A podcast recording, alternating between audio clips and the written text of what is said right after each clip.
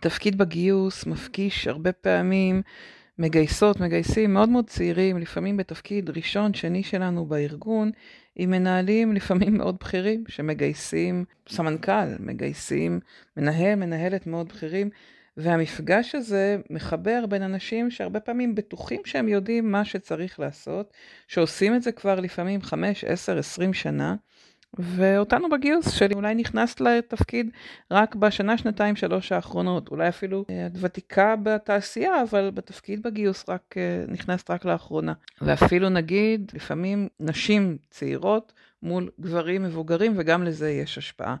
המפגש הזה מייצר הרבה פעמים צורך בגבול שאנחנו נשים, צורך במנהיגות שלנו בגיוס, בין אם אנחנו רוצים לשנות את שיטת העבודה, או אנחנו רוצים להרים את הדגל למנהל, מנהלת שמקבלים החלטה שהיא מוטה, או אפילו להטמיע מערכת חדשה, כמו שדיברנו בשבוע האחרון, על טכנולוגיות חדשות בגיוס. פרק חדש בפודקאסט גיוס זה מקצוע על המנהיגות שלנו בגיוס, פתיחה ונקודה.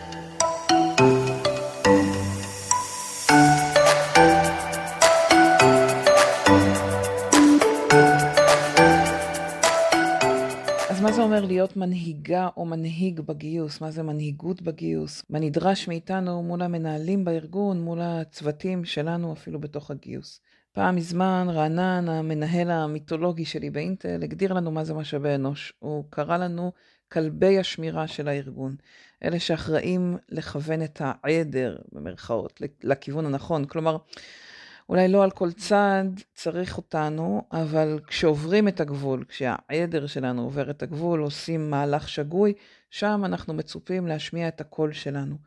וההגדרה הזאת נשארה איתי מאז. האמת שאני מאמינה שמשאבי אנוש וצוות הגיוס כחלק מהם, אחראים לשים את התשתיות, תשתיות לתהליך, הם אחראים להשמיע את הקול כשהמנהלים או אנשים אחרים בארגון פועלים בצורה שחורגת מהגבולות שהגדרנו.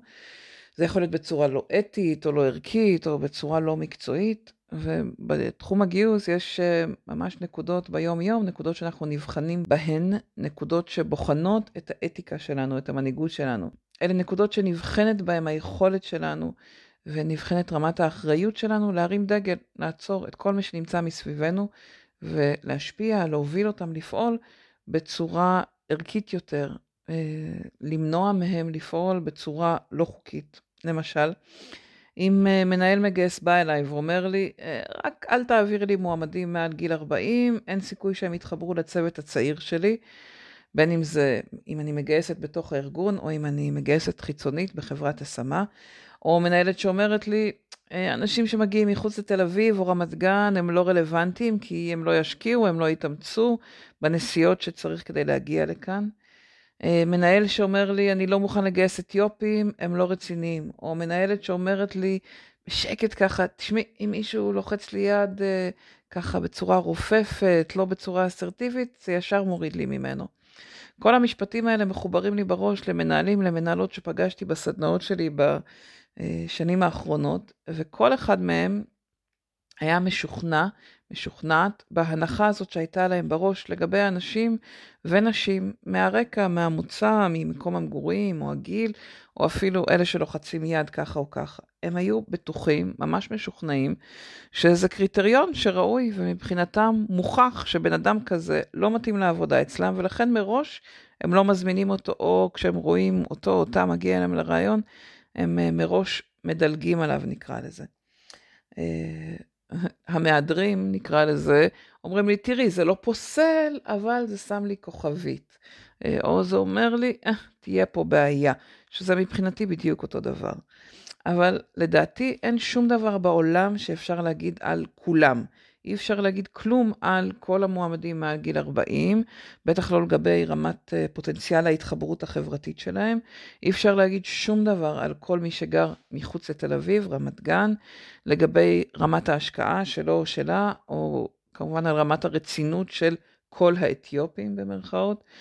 אנשים לומדים בילדות, בבית, ללחוץ או לא ללחוץ יד, וזה הרגל שקשור לתרבות, לחינוך, להרגלים סביב מגע ואפילו דת. בתור מי ששמרה נגיעה הרבה שנים מסיבה דתית, אני יכולה להגיד שנשארתי אותו בן אדם, גם כשלחצתי יד וגם כשלא לחצתי יד, ואני אפילו לא נוגעת בעניין החוקי אה, בתוך אה, חלק מההחלטות האלה, האפליה הזאת, על רקע מוצא או על רקע גיל או על דברים אחרים. אני נוגעת בנגיעה קטנה בנושא של הטיות ושל החוק, וזה נושאים ענקיים. קהנמן מדבר על הטיות כטעויות שיטתיות, חוזרות ונשנות, בנסיבות מסוימות, באופן שהוא בר ניבוי. הוא כותב את זה בספר לחשוב מהר, לחשוב לאט, והוא מרחיב על שתי מערכות ההפעלה במרכאות שיש לכל אחד מאיתנו. מערכת אחת שפועלת בצורה אוטומטית, לא מודעת, מארגנת לנו את המידע, ובדרך כלל עוזרת לנו, והיא מובילה להחלטות מהירות ללא מאמץ, אבל הרבה פעמים שגויות. מערכת מספר 2 שמופעלת כשנדרש יותר קשב, כשאנחנו צריכים להשתלט במרכאות על המחשבות האוטומטיות של מערכת אחת ולקבל החלטות מאוזנות ושקולות יותר. שתי המערכות פועלות ביחד בתוך כל אחד מאיתנו. תדמיינו את עצמכם במצב של הליכה, ואתם מדברים עם חבר, חברה בדרך, וזה אין בעיה לעשות ביחד, ללכת ו- ולשוחח, אבל פתאום החבר שואל אותך, אה, שואל אותך, כמה זה 17 כפול 24? או בוא נגיד אפילו יותר מורכב, 171 כפול 243.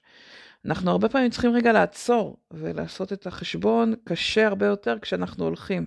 זאת פעולה שדורשת יותר קשב. התופעה הזאת של זה שאנחנו פתאום עוצרים, זה ההשתלטות הזאת של מערכת מספר 2 שמופעלת במוח כשאנחנו צריכים רגע יותר לחשוב, שאנחנו צריכים לעשות פעולה שדורשת יותר מעורבות של החשיבה, מעורבות יותר עמוקה.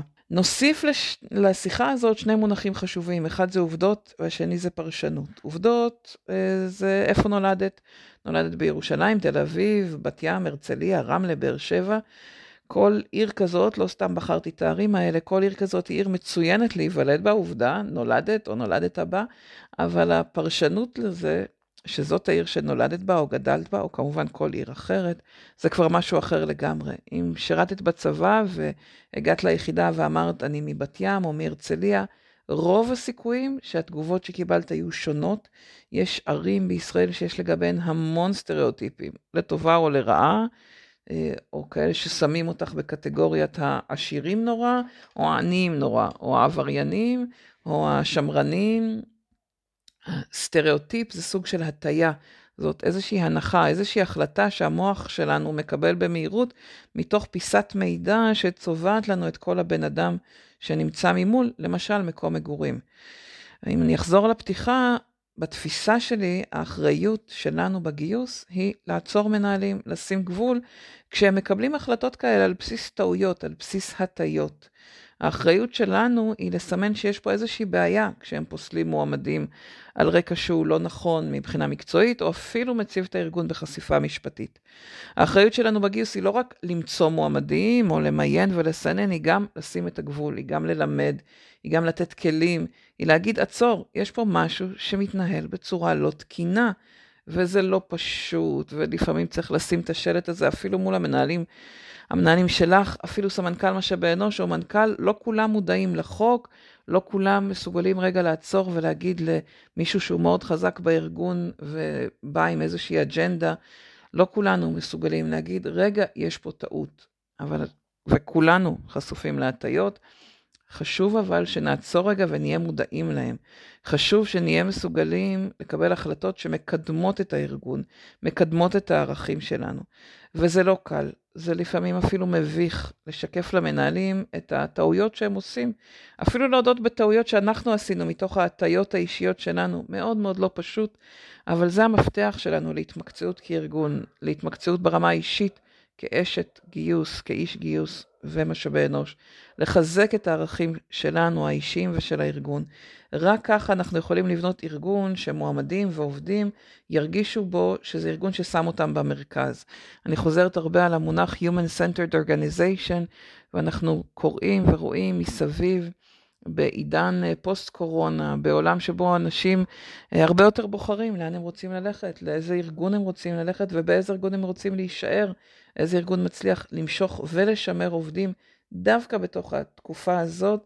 אלה ארגונים שממוקדים במועמדים שלהם, ממוקדים בעובדים שלהם, רואים אותם כאנשים הרבה יותר מורכבים, מלאים, מאשר רק פריט זה או פריט אחר בהיסטוריה האישית שלהם, והשחרור או המודעות להטיות שלנו והתשומת לב אליהם והעבודה העקשנית, נדרשת פה עקשנות בגיוס, ולהגיד, רגע, בואו נעצור, בואו נסתכל מה קורה לנו, זאת עבודה לפעמים מתישה ומעייפת ויומיומית, אבל היא סופר חשובה.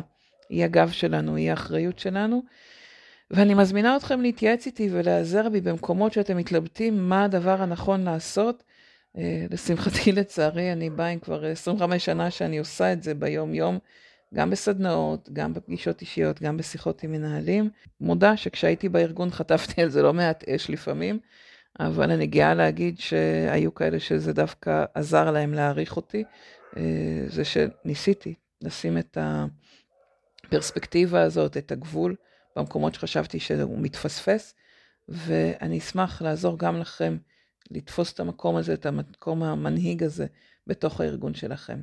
אני מזמינה אתכם גם להקשיב להקלטות שהקלטתי במשך שבוע שעבר, שהצגנו את הטכנולוגיות החדשות בגיוס. הצגתי שמונה סטארט-אפים, יש גם פה בפודקאסט, גם ביוטיוב, גם באתר, את הסרטונים עם דמואים של המערכות השונות. אני חושבת שזאת גם חלק מהמנהיגות שלנו, לפתוח את הראש, לעזור לארגון, להסתכל ולראות איזה טכנולוגיות חדשות יש, לא להישאב לתוך הגיוס הסטנדרטי הרגיל, אלא להניע שינוי, גם להצליח לשנות את איך שאנחנו פועלים, זה אחד הדברים הכי קשים ביום-יום בארגון, וזאת האחריות שלנו, זאת המנהיגות האמיתית שלנו בגיוס.